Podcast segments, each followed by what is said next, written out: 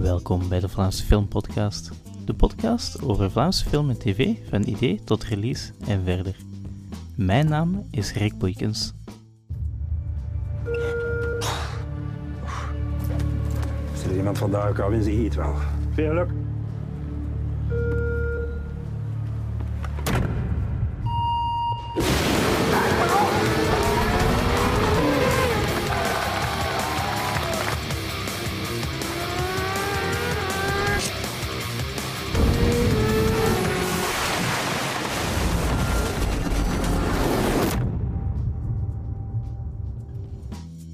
Rookie is sinds deze week te zien in de cinema.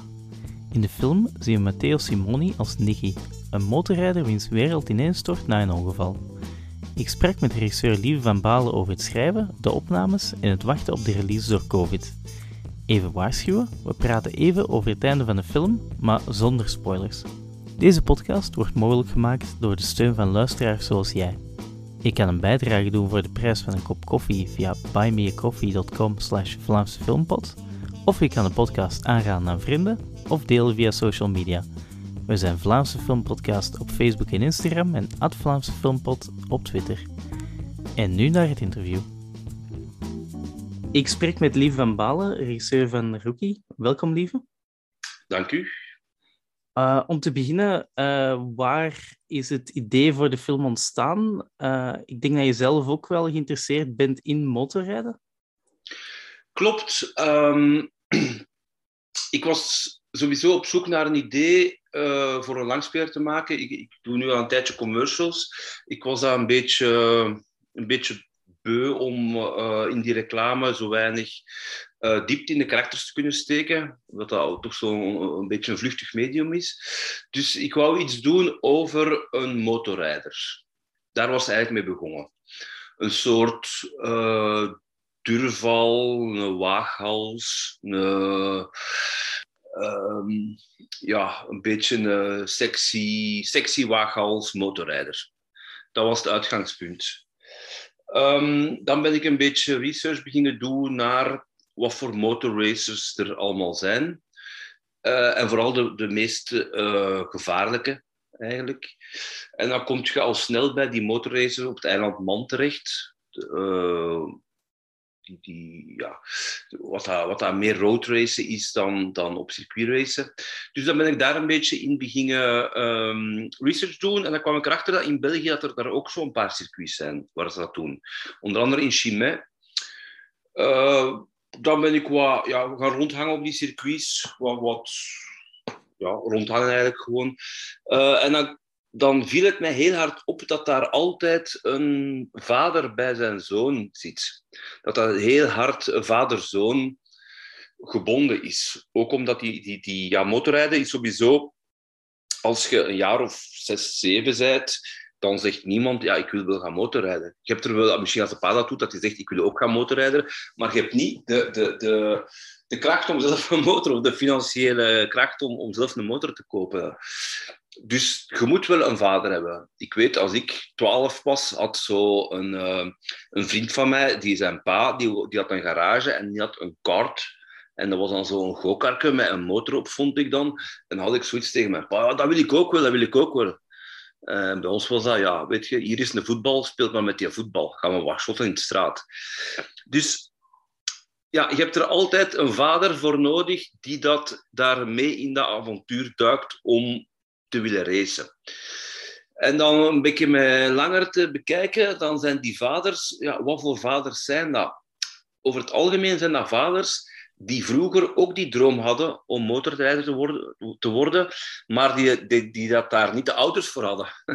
En nu dat die zelf ouder geworden zijn, hebben die zoiets van, ja, kijk, mijn zoon, kijk, ik geef je die cadeau, je hebt hier een motto en je mag gaan racen. Maar ja, daardoor komt er bij die jonge gastjes een enorme druk op hun schouders. Want die, ja, die krijgen die motor, die krijgen al die aandacht en, en die moeten gaan racen. Als die vallen, is die motor kapot. Moet je daar, ik weet niet veel geld aan betalen. Is die vader viesgezind? Uh, als die niet rap genoeg rijden.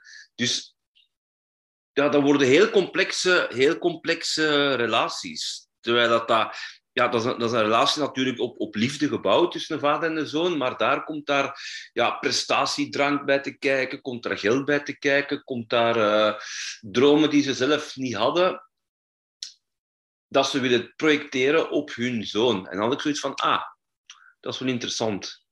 Mensen die dat hun dromen op hun zonen projecteren, terwijl dat, dat wel iets gevaarlijk is ook. Ge, motorrijders als je daar een crash doet, uh, bon, dat, is niet, dat is niet gelijk als met een voetbal, dan iemand tegen je voeten stamt. Dat, dat zijn rap, uh, je kunt er letsels bij kunnen, je kunt daar blijvende letsels bij hebben. Dus dat, dat, werd allemaal heel complex. En dat vond ik zo mooi eigenlijk. En dan ben ik ja, een beetje verder research doen op dat, uh, die thema's van vader-zoon relatie, dromen die je zelf niet hebt kunnen waarmaken, projecteren op uw zoon. En dan kwamen ja, de, de moeders daarbij te kijken. Dat maakt het allemaal nog veel complexer natuurlijk, want die moeders, ja, die willen ergens wel meegaan in dat verhaal van, kijk, motorrijden, dat is cool en dat is plezant en dat is fun. En dat is ook zo. Motorrijden is echt een heel mooie sport, tot als het fout gaat. En dan is dat een akelige, enge sport eigenlijk. Um, en die moeders die gaan er wel in mee, maar ja, die, die, die voelen wel een beetje meer die keerzijde daarvan. Die voelen wel een beetje meer van, oela, het kan hier ook uh, serieus fout lopen. Um, maar die verbijten een beetje, omdat ja, hun man is dan, uh, die beleeft een beetje zijn droom opnieuw. Die zoon die doet dat ook graag, hè, want niemand wordt geforceerd om motorrijder te worden, die doen dat wel graag. Maar die zitten met andere. Dus iedereen heeft een heel ander uh, een hele ander point of view naar die sport. Iedereen heeft zo'n beetje zijn eigen, zijn eigen interesses, zijn eigen angsten, zijn eigen overwinningen. Dus ja, dat vond ik wel een, een, een, een mooi, complex geheel om, om daar een, een sportfilm over te maken. Um, terwijl ben dan beginnen veel uh, racefilms bekijken en, en Um, ja, het, het, wat je in de meeste van die racefilms ziet, is dat dat om pure race gaat. En ik dacht van, het is misschien wel interessanter als we een keer vertellen over hoe dat die emoties achter dat race allemaal zit. Hoe dat, hoe dat een moeder zich eigenlijk voelt als haar zoon ging te racen. Ik heb dat dan natuurlijk wat aangedikt, dat haar vroegere echtgenoot, die is dan ook verongelukt in een race. Dus die vader van Charlie, die is ook verongelukt in een van die races. Dat was een soort god die dat die Charlie ook wil bereiken, maar die weet niet hoe. Um, die Nicky die dat, dat ook wil bereiken, die, die, die, die kijkt ook heel hard op naar zijn broer. Uh, maar die heeft dan een, een, een, ja, een beetje een spijtig ongeluk, waardoor hij nooit meer kan racen. En die wordt dan opgenomen door uh, zijn schoonzus en dan neefje dan heeft je dat wel wat wilt ontdekken met motorracen, maar niet echt uh, dezelfde lef heeft als, als die Nicky. Niet, niet dezelfde ja, commitment of, of, of ja, die, die sneller schrik heeft of die niet zo... Dus ja, hele dynamiek. Voilà, dat was dan de basis geworden van, uh, van mijn scenario. Ja, ik vond het ook heel interessant. Je, je vertelt dan over de, de vaders en de zonen, maar ik vond het dan ook wel interessant dat je dan de, de nonkel en de neef dan neemt. Want dan heb je ook wel dat, zoals je zegt, dat, opkijken naar die nonkel, die dan ook zoals zijn vader was, maar dan toch minder verantwoordelijkheid dan, die dan eerder dan door de moeder dan wordt opgenomen. Ja. Ja, inderdaad. Het is, het, is, het is een beetje een surrogaatvader. Hè? Is, uh, Charlie is opgegroeid zonder vader en dan komt er opeens in huis die, die nonkel, die daar even hard motorracing crazy is als zijn vader was. Die waarschijnlijk ja, dezelfde races rijdt, dezelfde mensen kent, dat in dat wereldje eh, ongeveer even, evenveel aanzien geniet als zijn vader. Dus ja, dat is dan ook een, een, een manier voor Charlie om zijn vader ergens een beetje beter te leren kennen. Want hij weet dat, dat die heeft zijn vader wel gekend op nog een andere manier dan zijn moeder. En dat, dat, dat, dat, dat is weer een, die, andere invalshoek. En ja, inderdaad, het is niet, uh, in hoeverre doet je dat met je eigen zoon of met je neefje? Dus ja, dat, dat, dat feit dat dat een surrogaatvader is, inderdaad, dat, dat, dat haalt er weer zo'n hoekje af. Of dat, dat zit dat op een andere, op een andere schaal toch dan, uh, dan, dan een echte bloedvader. Ik vond het ook interessant aan het, uh, de manier waarop dat dan het, de mantel wordt doorgegeven dan. Dat hij eerst van Charlie's vader naar dan Nicky ging en dan moet het dan zowel wat worden doorgegeven naar dan, dan Charlie. Ja, dat is ook iets wat een beetje eigen is aan dat racen. En wat, wat ik ook wel zo mooi vond. Uh, ja, racen zit een beetje in, in, de, in de genen zo. En je ziet dat ook. Je hebt die... Ja, is dat opvoeding? Is dat genetisch bepaald? Is dat... Uh, het zal een beetje een, een, een mengelmoes van alles zijn. Maar, maar je ziet dat inderdaad, dat dat dat dat iets, vaak iets familiaal is, dat racen. Die, de broers racen, de onkel race. Dus dat wordt zo wat, inderdaad, dat wordt wat doorgegeven. Um, ja, je moet er misschien ook wel een beetje zo in geboren worden voor dat echt te doen, denk ik. Hm. Um, minder dan voetballen of, of een ander sport. Ja, wat ik ook wel interessant vond, is dan als uh, Nicky zijn ongeluk heeft en dan echt gewoon in iets heeft van hoe, wie ben ik nu eigenlijk? Wat, wat, wat moet ik nu doen? Dat vond ik heel, uh, die, die scènes waren echt wel sterk. Ja, Nicky, is iemand die, um, dat is de held in een heel beperkt uh, maatschappelijke gemeenschap. Zo, hè. Hij, is, hij is een beetje een held in dat racewereldje. En daar heeft hij heel veel aanzien en krijgt hij heel veel respect. Maar één keer dat hij daar buiten komt, kent niemand hem. En is hij ook maar een, een, een, is maar een beetje een, een werkloze loser. Is hij maar een beetje een, ja, is een, een beetje een, een, zal ik niet zeggen, maar uh, een beetje de, de grootste vis in een klein vijvertje. Zo.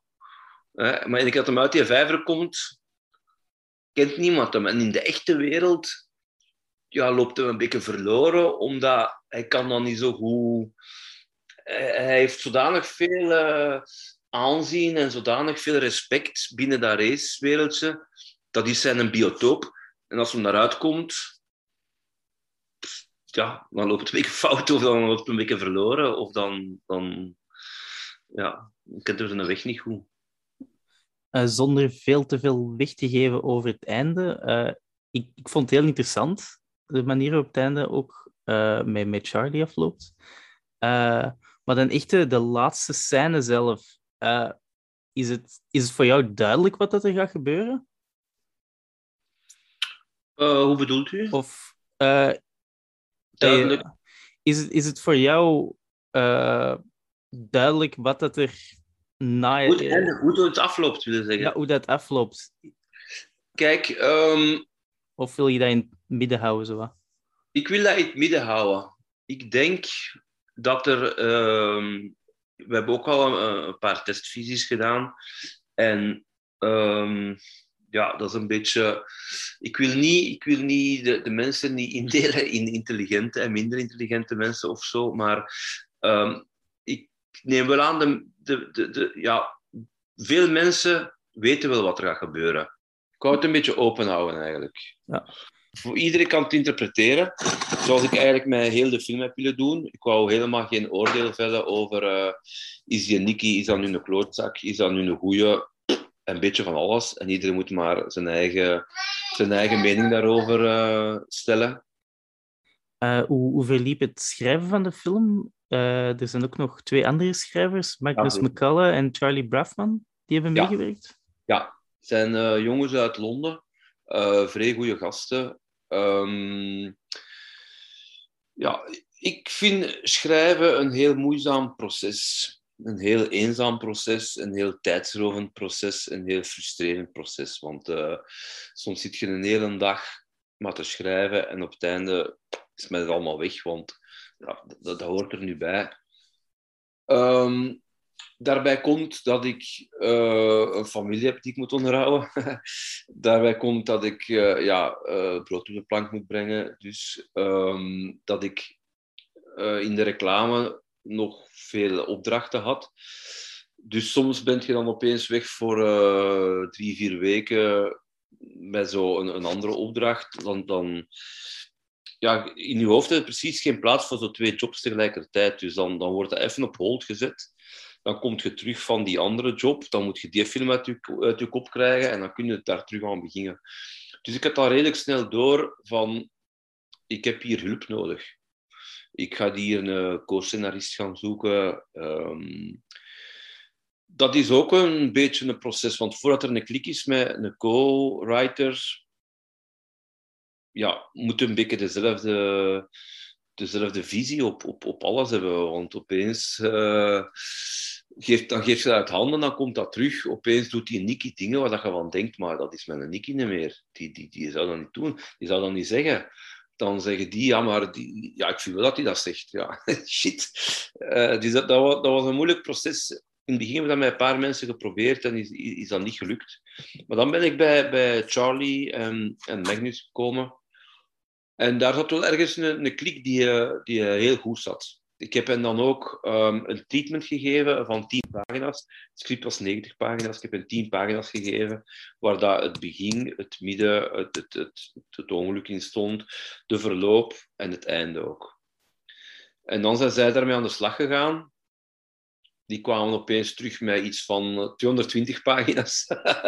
dat ik zei, maar, oh jongens, ik wil dat toch naar een film. Ik had graag 90 minuten gehad van de, van de film. Um, en, en, en één minuut is, is één pagina. Als een beetje gouden regel.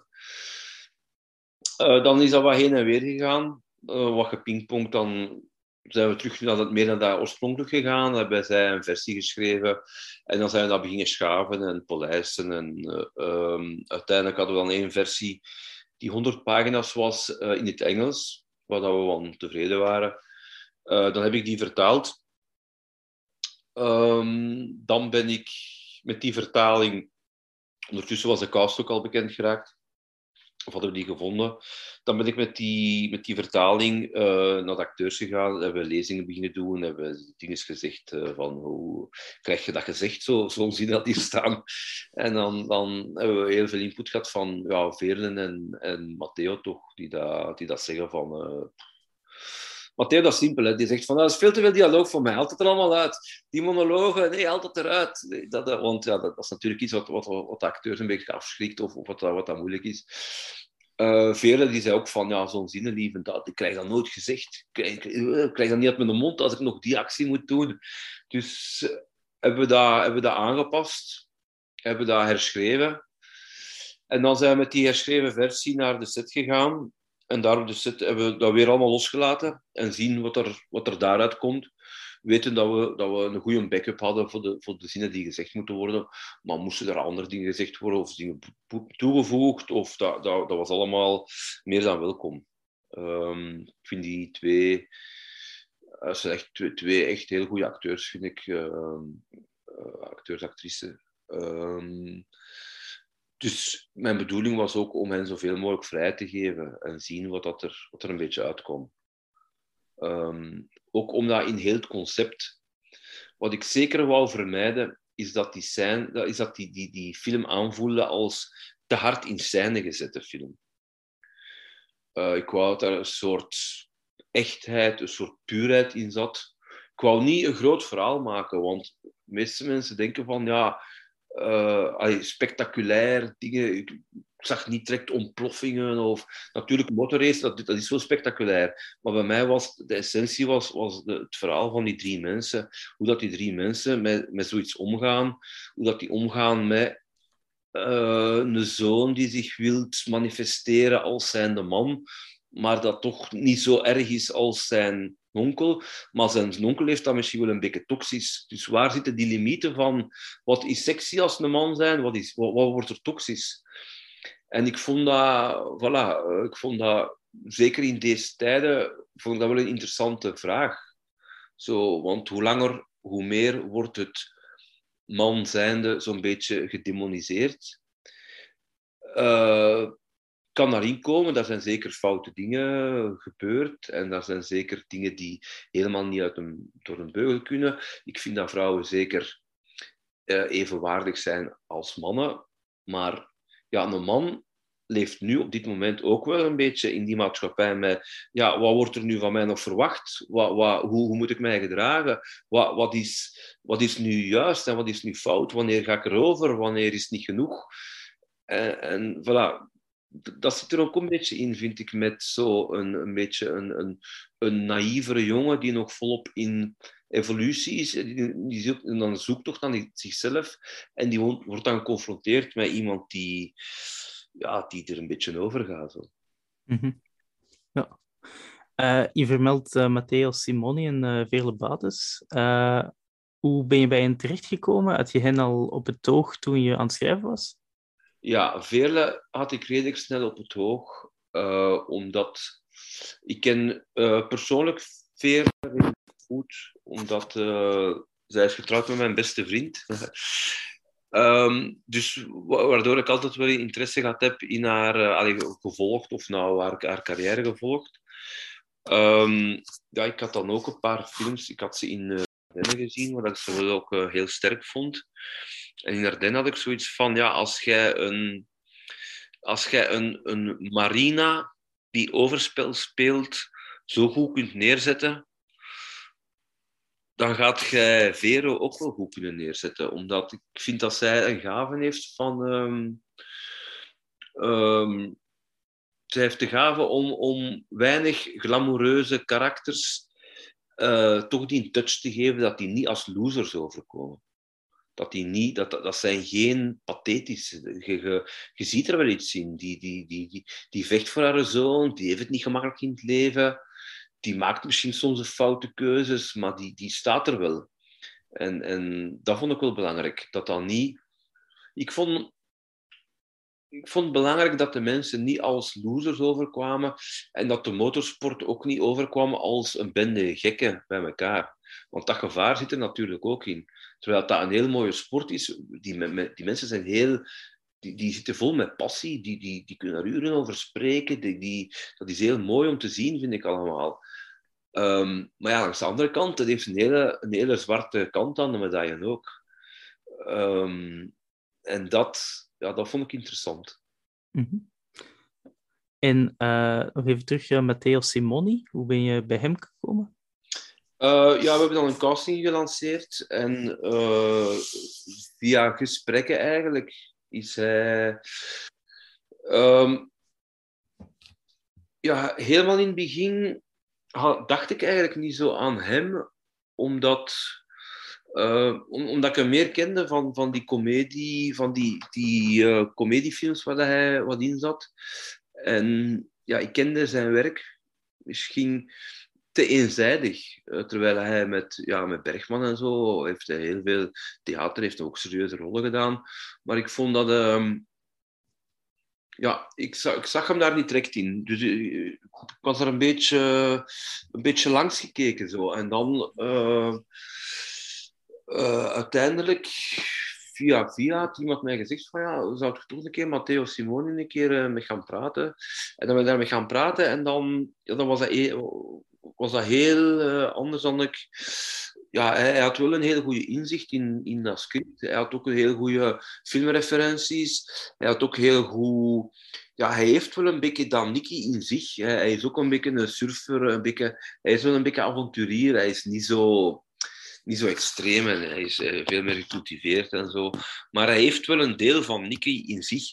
En toen ik dat, toen ik dat zag, ja, dan was geen twijfel meer aan eigenlijk. Dan... Uh, dan moesten we enkel nog iets aan zijn, die look een beetje proberen te krijgen. Maar dan met, met stilisme en met, met styling en zo. Uh, ja. Ik heb eens, er was in de tijd nog toen hij de bedden van Jan de Lichte was aan het opnemen, had ik zo eens gelezen dat hij dan heel uh, method was en zich zo wat probeerde af te zonderen.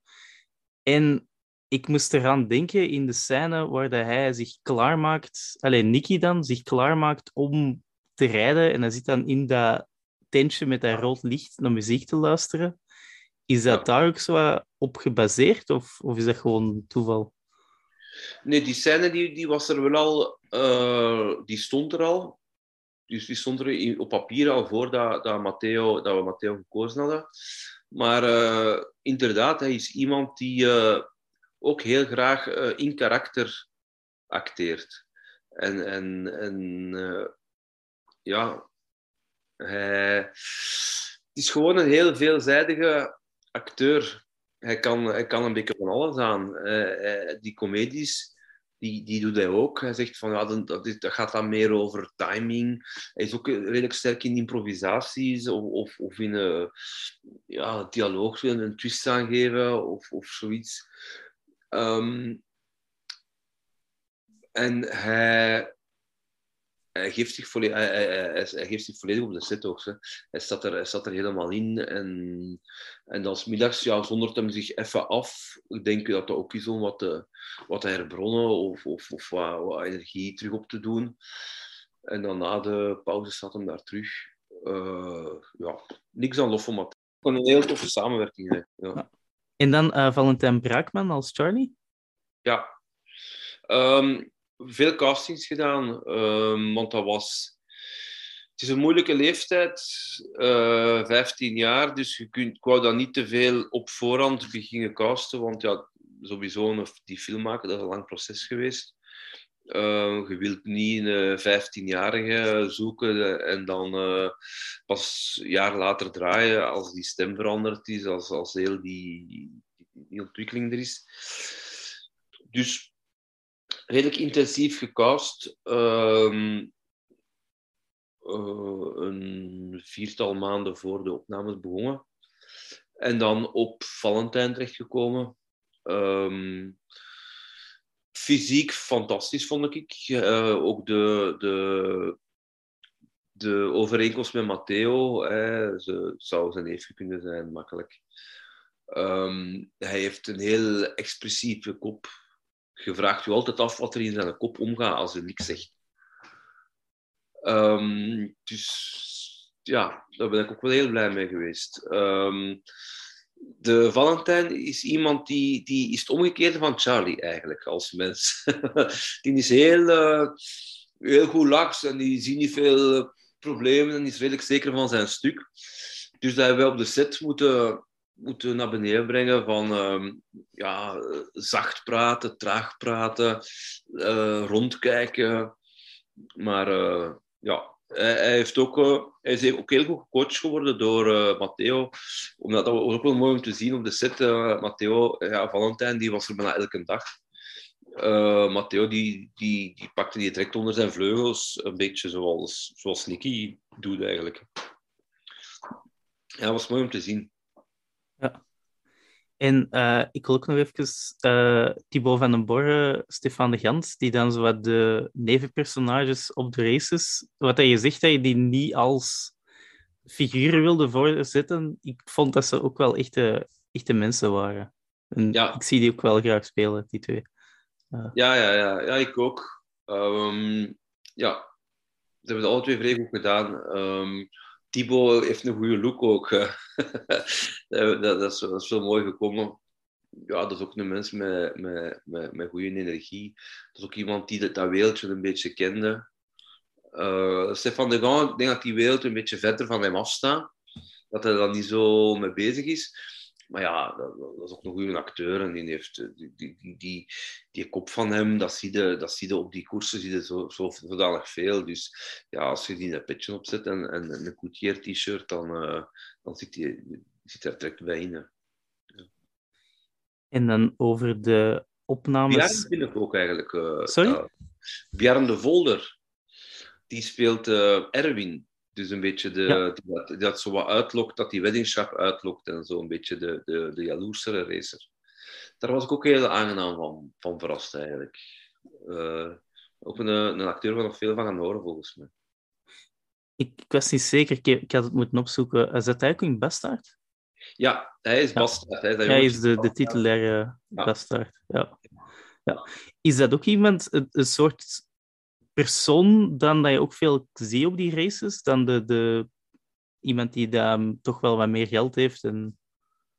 ja, ja. Beetje de... Blijft motorracer. Hè. Ik denk als je echt wat meer geld hebt, dan gaan ze eerder met auto's racen. Motorracen blijft zo'n beetje, ja, dat is goedkoper, dat is wat vuiler, dat is wat gevaarlijker. Dus zo echt de, de, de, ja, de, de visa papa ziet je misschien iets minder, maar ja, je, je kunt er toch nog uithalen af en toe. Uh, hoe zijn jullie te werk gegaan voor uh, de opnames van de races zelf? Ik had al redelijk snel door dat je zo'n race, dat is onmogelijk om dat in scène te zetten, vind ik. Omdat, uh, bon, achteraf, alles is mogelijk natuurlijk, maar daar hadden we helemaal budget niet voor. Um, en ook, ik vind dat... Ik heb heel veel research naar zo'n races gedaan. En ja, die echtheid, die rauwheid van die racen, dat wou ik zeker hebben. Dat wou ik zeker filmen. En vaak als je daar van die racefilms ziet, van, van, zoals een, een Rush bijvoorbeeld, dan je voelt toch heel snel dat dat in scène gezet is. Je voelt toch heel snel als zo'n racer een andere racer voorbij rijdt in een Formule 1-auto en die kijken zo naar elkaar en je ziet zo'n close-up met die camera die zo'n beetje tilt. Die andere die kijkt terug. Oké, dramatisch op papier klopt dat. Maar, maar op beeld heb je zoiets van... Oh, zeker als je een beetje een liefhebber bent van motorsport, heb je zoiets van... Ja, jongens, dat, dat, dat kan toch niet. Dat, dat, dat, dat bestaat niet. Dat is zo niet. Dus ik vond de, de strafste beelden dat ik gezien had, zeker van die racen van het Eiland Man en van die roadracen, dat zijn meestal camera's die ingebouwd zijn in de motors tijdens de echte racen. Dus dan heb ik een beetje gezocht wie dat er van die race doet in België. Dan ben ik bij de IRRC terechtgekomen. Dat is International Road Racing Championship. Um, en dat is een Europese soort competitie van road racers. Daar hebben we iemand van gevonden, de verantwoordelijke, uh, Kurt van den Borre, dus iemand van Oostende. En die heeft ons, uh, ja, die vond dat direct fantastisch dat we daar een film over gingen maken en die wou heel graag meewerken. En dan heb ik gezegd van, kijk, wij zoeken eigenlijk een racer die dat, wij, die dat ons toelaat om zijn motor te spuiten zoals wij dat willen. En dat wij dan een duplicaat motor hebben die ook het pak aandoet van onze, onze acteur tijdens die race. En zo zijn we bij Laurent Hofman terechtgekomen. Die, die, heeft, uh, die is een centimeter kleiner of een centimeter groter dan Matteo. Heeft min of meer hetzelfde gestalte. En die zag dat zeker zitten. En dan hebben wij op zijn motor uh, ja, cameraatjes mogen opbouwen en installeren. Allemaal volgens strikte veiligheid natuurlijk, want als zo'n camera eraf vliegt, uh, ja, als die gasten die rijden tegen 300 per uur, als die camera in het publiek vliegt, dat zijn, dat zijn dodelijke projectielen. Dus dat moest allemaal wel wat ja, in, in die carnage ingebouwd worden en wat met veiligheid voorzien worden. Maar zo, uh, ja, zo hebben die, die, die, de meeste van die racebeelden uh, bekomen dan hebben we nog een paar beelden, ja, vooral die start en zo, hebben we dan zelf in scène gezet. En dan wat gecombineerd met beelden die we zelf gedraaid hebben. Maar onze basis was wel die, uh, die rauwe, echte beelden eigenlijk. Ja. Heeft, hij, heeft hij dan ook echt mee, echte wedstrijden meegedaan in dan de, de gedaante van Nicky? Ja. Hij is tweede geworden. Alright. Ja. ja, goed. Ja, ja. En, en en die camera's dat je dan inbouwt, zijn dat dan GoPro's of is dat nog iets specifieker? Ja, dat waren die GoPro's, uh, de 8. Dus dat is de, de laatste GoPro's. Dat zijn gestabiliseerde GoPro's die op 4K werken. Achteraf hebben we heel veel um, uh, bewerking gedaan voor dat te matchen met onze cinemacamera's. Soms zie je het nog wel een beetje, maar uh, voilà dat, dat, dat, dat past wel mee in die, in die stijl van echtheid en van uh, een beetje een mashup van verschillende formaten en dragers. Zo. We hebben geprobeerd om er andere camera's in te bouwen, maar dat werd heel complex opeens. Vooral die stabiliteit die was wel heel belangrijk bij die GoPro. Ja. Uh, ook, uh, hoe, hoe heb je het ongeluk zelf in beeld gebracht? Dat is al in scène gezet. Um, dat is in scène gezet en dat is gecombineerd. Ah, dat is misschien wel een beetje een grappige anekdote. Uh, de eerste keer dat wij een test gingen doen voor die camera's, uh, zijn wij naar uh, Croix-en-Ternat geweest, een circuit in het noorden van Frankrijk. Daar is het Belgisch kampioenschap van, um, van de 600 cc's. De, de supersports noemt dat. Um, en dat was de eerste keer dat we onze camera's gingen testen. Omdat, dat was nog voor, dat, voor die road race uh, kampioenschap. Omdat ja, we wouden, we een keer een test doen voor te zien hoe dat we dat geluid van die motor kunnen opnemen. Of de, al die camera's, of dat die dat willen houden. Of dat die G-krachten wel overeenkwamen. En toen is Laurent gecrashed. Uh, die is in de opwarmingsronde is die, is die gecrashed is die in de greenbak terechtgekomen. Omdat uh, het was toen heel koud en ze hebben lang op de, op de pit moeten staan, omdat er een van de motors die was benzine aan het lekken. En toen dat die mochten vertrekken, waren die banden al terug koud geworden. En daardoor is die in een van de laatste bochten eraf gegaan. En die beelden zitten ook wel in de film. Dat zijn zo die schokkende beelden van die grind die vliegt en zo. We hebben dan daar achteraf ben ik daarop gingen verder bouwen. Hebben we die crash in beeld gezet met stuntmensen. Hebben we dat gedraaid op een ander circuit. Uh, maar wel met dezelfde, ja, dezelfde instellingen en een beetje allemaal aan elkaar konden knippen.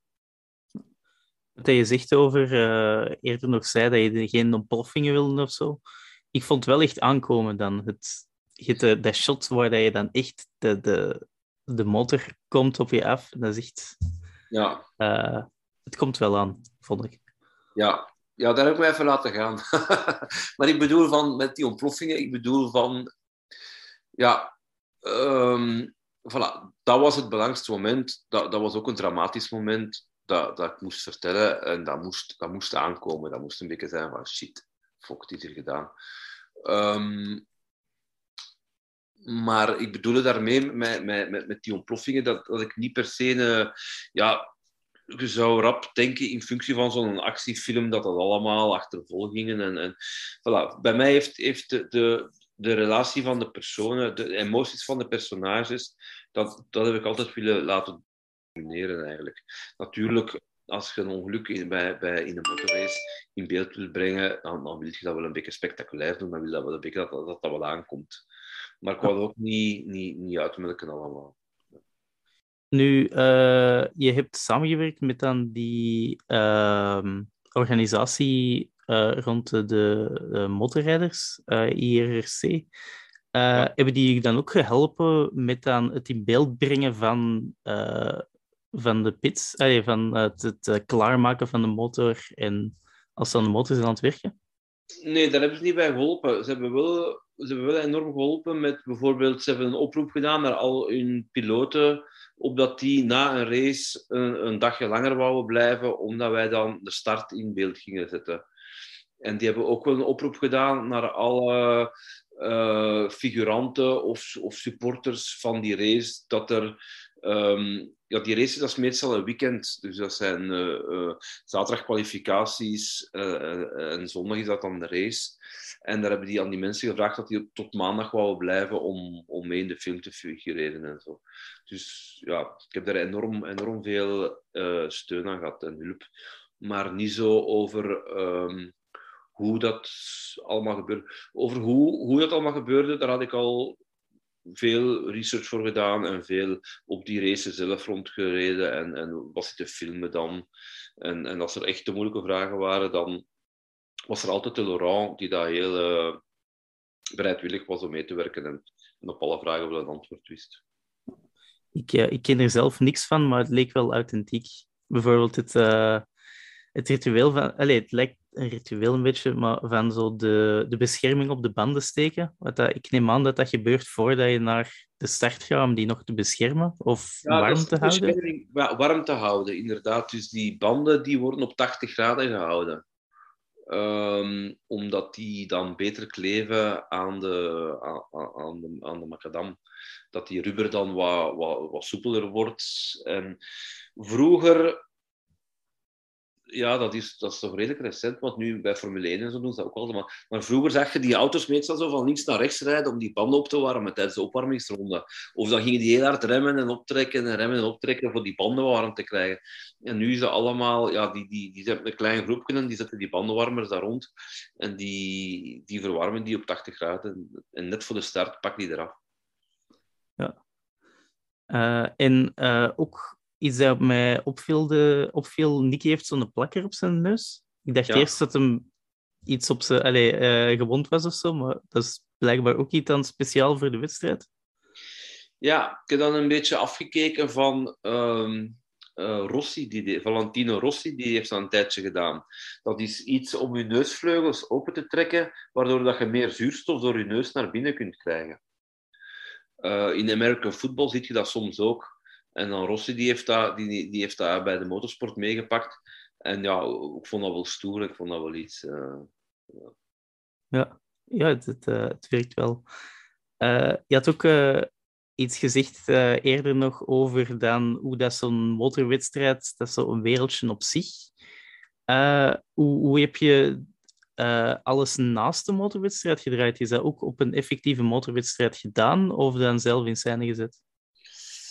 Um, er zijn deels dingen gedraaid op een echte uh, motorrace. Dus dat was in Chimay. Uh, natuurlijk, die, die motorracen, dat is een hels, dat, dat een kabaal. Je kunt daar geen dialogen draaien. Je kunt daar... Uh, dus um, ik heb een, een, aantal ruimere shots zonder dialoog op die echte race gaan draaien, waar dat wij ook een plaats kregen op de paddock voor onze, uh, onze tenten te zetten, onze auto's te zetten. En dan hebben wij gewacht tot als die race gedaan was. Zijn we eerst iets anders gaan draaien, hebben we alles laten staan. En zijn we dan twee dagen later, als iedereen opgekraamd was en alles was afgebroken, teruggegaan om de, om de dialogen te draaien. Ja, goed. Uh, ik zeg ook dat jullie in Tsjechië hebben gedraaid. Ja, klopt. Dus een van die ERR, IRRC-racen is in Tsjechië. Dat is, en dat is de, de, de, de meest waar al die huizen zijn en zo. Dat is allemaal Tsjechië. Dus dat is de meest, meest stratengevoel. Daar reizen echt tussen de huizen, voorbij de Aldi. Uh, ja, ja, in uh, Horis. Had je uh, specifieke invloeden ook dat je hebt meegepakt voor, voor de film?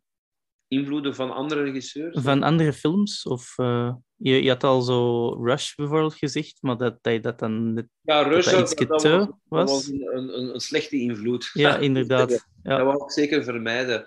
Um, ik ben eerder gaan kijken naar de meer uh, sociaal, socialere films. Of een beetje, ja, ik wil niet zeggen de broer Dardenne, maar, uh, maar wel wel eerder in die richting van uh, de camera zit een beetje in de nek van ons personage en die gaat daarmee mee. En, en dat voelt allemaal wat organisch aan en, en het voelt niet in scène gezet aan. Of een beetje misschien uh, Amerikaanse independent films. Um, ja, films zoals Mud of zoiets, waar, dat, waar dat wat meer die, die omgeving ook meespeelt en wat dat vooral op performances van, van, van de acteurs ligt eerder dan zo shot tegen shot draaien. Hm. Ja. Uh, de muziek werd uh, gemaakt door Daan. Hoe ben je bij hem terechtgekomen? Ken je hem al? Ja, hij woont hier een beetje verder.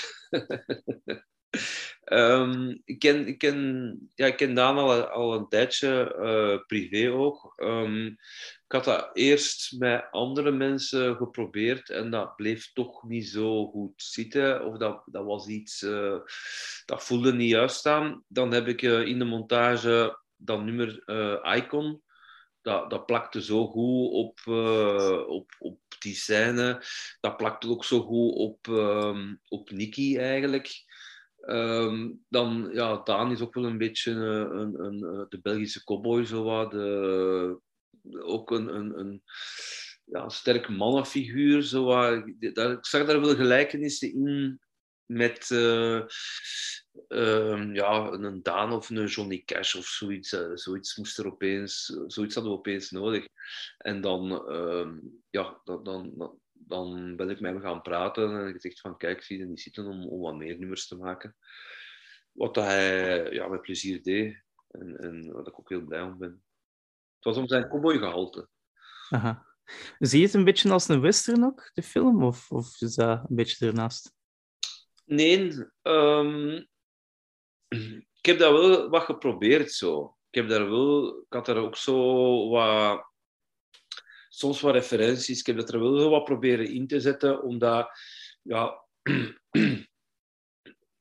wat, wat is western? Allee, de elementen die ik uit de western misschien meegenomen heb, is ja, al die beetje de, de ruige mannenwereld. Met dan uh, een, een, een, vrouw dat daar een beetje apart in staat. Um, de decors ook. Bij western is dat, uh, is dat meestal die woestijnen, wat cactussen en schone landschappen.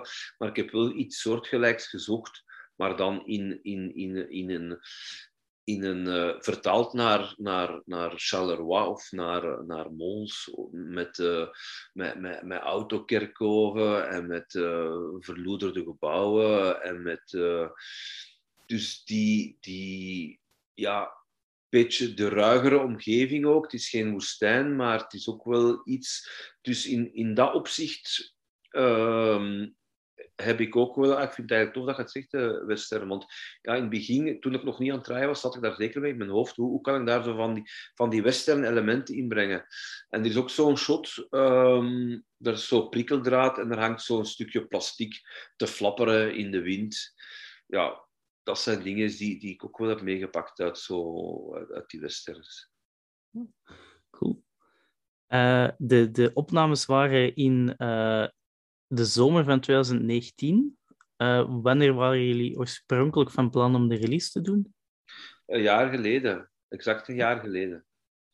Dus we hebben 2019 gedraaid, um, uh, juli, augustus, uh, 28 dagen uh, tijdens uh, Sneakheet. Fantastisch, het was fantastisch. Het was, elke dag zon en, en warm.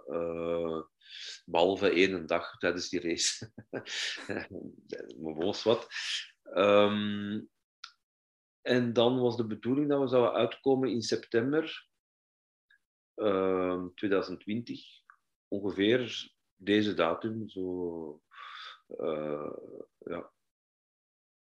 Dus dat was dan al een jaar later. Ja, 2019 gedraaid in de zomer. 2020 gingen we in september uitkomen. Dat is dan uitgesteld geweest wegens de eerste corona-lockdown. Eh, dan is dat naar, naar december verzet, 2020. En dan is de tweede golf gekomen en dan hebben we gezegd van oké, okay, nu is het ineens uh, tien maand verder. Boom. Was hem toen ook al volledig klaar, uh, september 2020? Ja, ik heb er niks meer aan veranderd. Ik heb er ook niet meer naar gekeken. Ik dacht van, uh, ik ga niet te veel naar kijken, want ik kan er beginnen aan veranderen. En mijn, producers gaan, me, gaan niet content zijn. Dus ik heb, ja, ik heb hem bewust gewoon gezegd van, kijk, het is af, het is gelokt. ik had ook al wat testvisies gedaan en zo. Um, ja, je kunt blijven monteren natuurlijk. Ehm, en, en, hoe meer dat je naar kijkt, hoe meer dat je op je eigen fouten zit te kijken en te denken van ah, ik zou dat toch nog een keer kunnen doen of dat nog een keer doen. Dus ik heb uh, voor mijn eigen gezegd van kijk, lieven, blijf eraf, mis af. Dus dat zou. Is er ook een, een opluchting dat, hem eindelijk, dat je hem eindelijk kunt laten zien aan mensen en dat hem in de zaal komt? Ja, toch wel, maar ja, het is een beetje het is een beetje vreemd, want het is, het is allemaal zo lang geleden, dus nu komt dat opeens zo boven. Um, ik heb dat nu, nu is het, uh, ja, de première is binnen drie dagen of zo, dus nu begint dat opeens wel allemaal uh, versneld uh, terug boven te komen. Maar ja, tot vorige week zat ik in Portugal op ehm, zat er, zat er niet zo mee in mijn kop. ik wist dat dat ging gebeuren natuurlijk, maar ik had zoiets van ja, het, is, het, is, allemaal gebeurd, dus het, is, het ligt er, we gaan wel kijken. Nu voel ik wel dat er ook zo wat terug interesse komt, dat er terug over gebabbeld wordt, begint dat terug zo, zo wel wat, wat, spannender te worden. Maar uh, ja, ik ga er wel met plezier terug naar kijken, want het is, het is, het is al lang geleden ook. Ik heb hem uh, een jaar en een half niet meer gezien, dus ik ben een keer benieuwd als ik hem terug zie, wat, ik, uh, wat er veranderd gaat zijn naar mijn ervaringen naartoe. Uh, waar ben je intussen dan mee bezig geweest? Of uh, komt er nog in de toekomst voor jou? Ja, ik ben uh, terug wat beginnen schrijven. Eh, ik heb terug contact met dezelfde schrijvers opgenomen ook. we zijn terug wat, wat pistes aan het, aan het ontwikkelen, wat, ja, wat ideeën opdoen. Um, dus we gaan zeker, we gaan zeker terug iets, iets volgen. Ehm, het was wel een beetje moeilijk om me daar zo helemaal op te smijten toen, als ik nog niet goed wist hoe dat, die, hoe dat, dat, met die rookie was afgelopen. Uh, dat bleef een beetje, ja, een beetje een raar gevoel als je je aan die schrijftafel zit. Dat is niet afgerond, dus dat blijft nog een beetje hangen. Dus dat is een beetje van, ja... Ja, dat, dat, dat, dat geeft een beetje onzekerheid zo in, in dat schrijfproces dat erin sluipt. Maar verder, ja, nog altijd reclame. Uh, dus ik heb nog wel een paar, paar uh, reclamefilmpjes gedaan. Ik heb nu net een film voor een virtual reality spelletje afgewerkt. Um, dus voilà, blijf veel bezig. Nog uh, veel succes uh, voor de toekomst dan. Ik spreek met Lieve van Baal, regisseur van Rookie. dankjewel voor het interview. Graag gedaan. De vorige aflevering van de podcast kan u beluisteren via Apple Podcast, Spotify of de website vlaamsefilmpodcast.wordpress.com. En daar kan je ook een interview vinden met regisseur Anouk Fortinier over haar film Mijn vader is een saucis. Deze podcast wordt gemaakt door Rick Boeikes. Dat ben ik. Bedankt voor het luisteren en tot de volgende aflevering.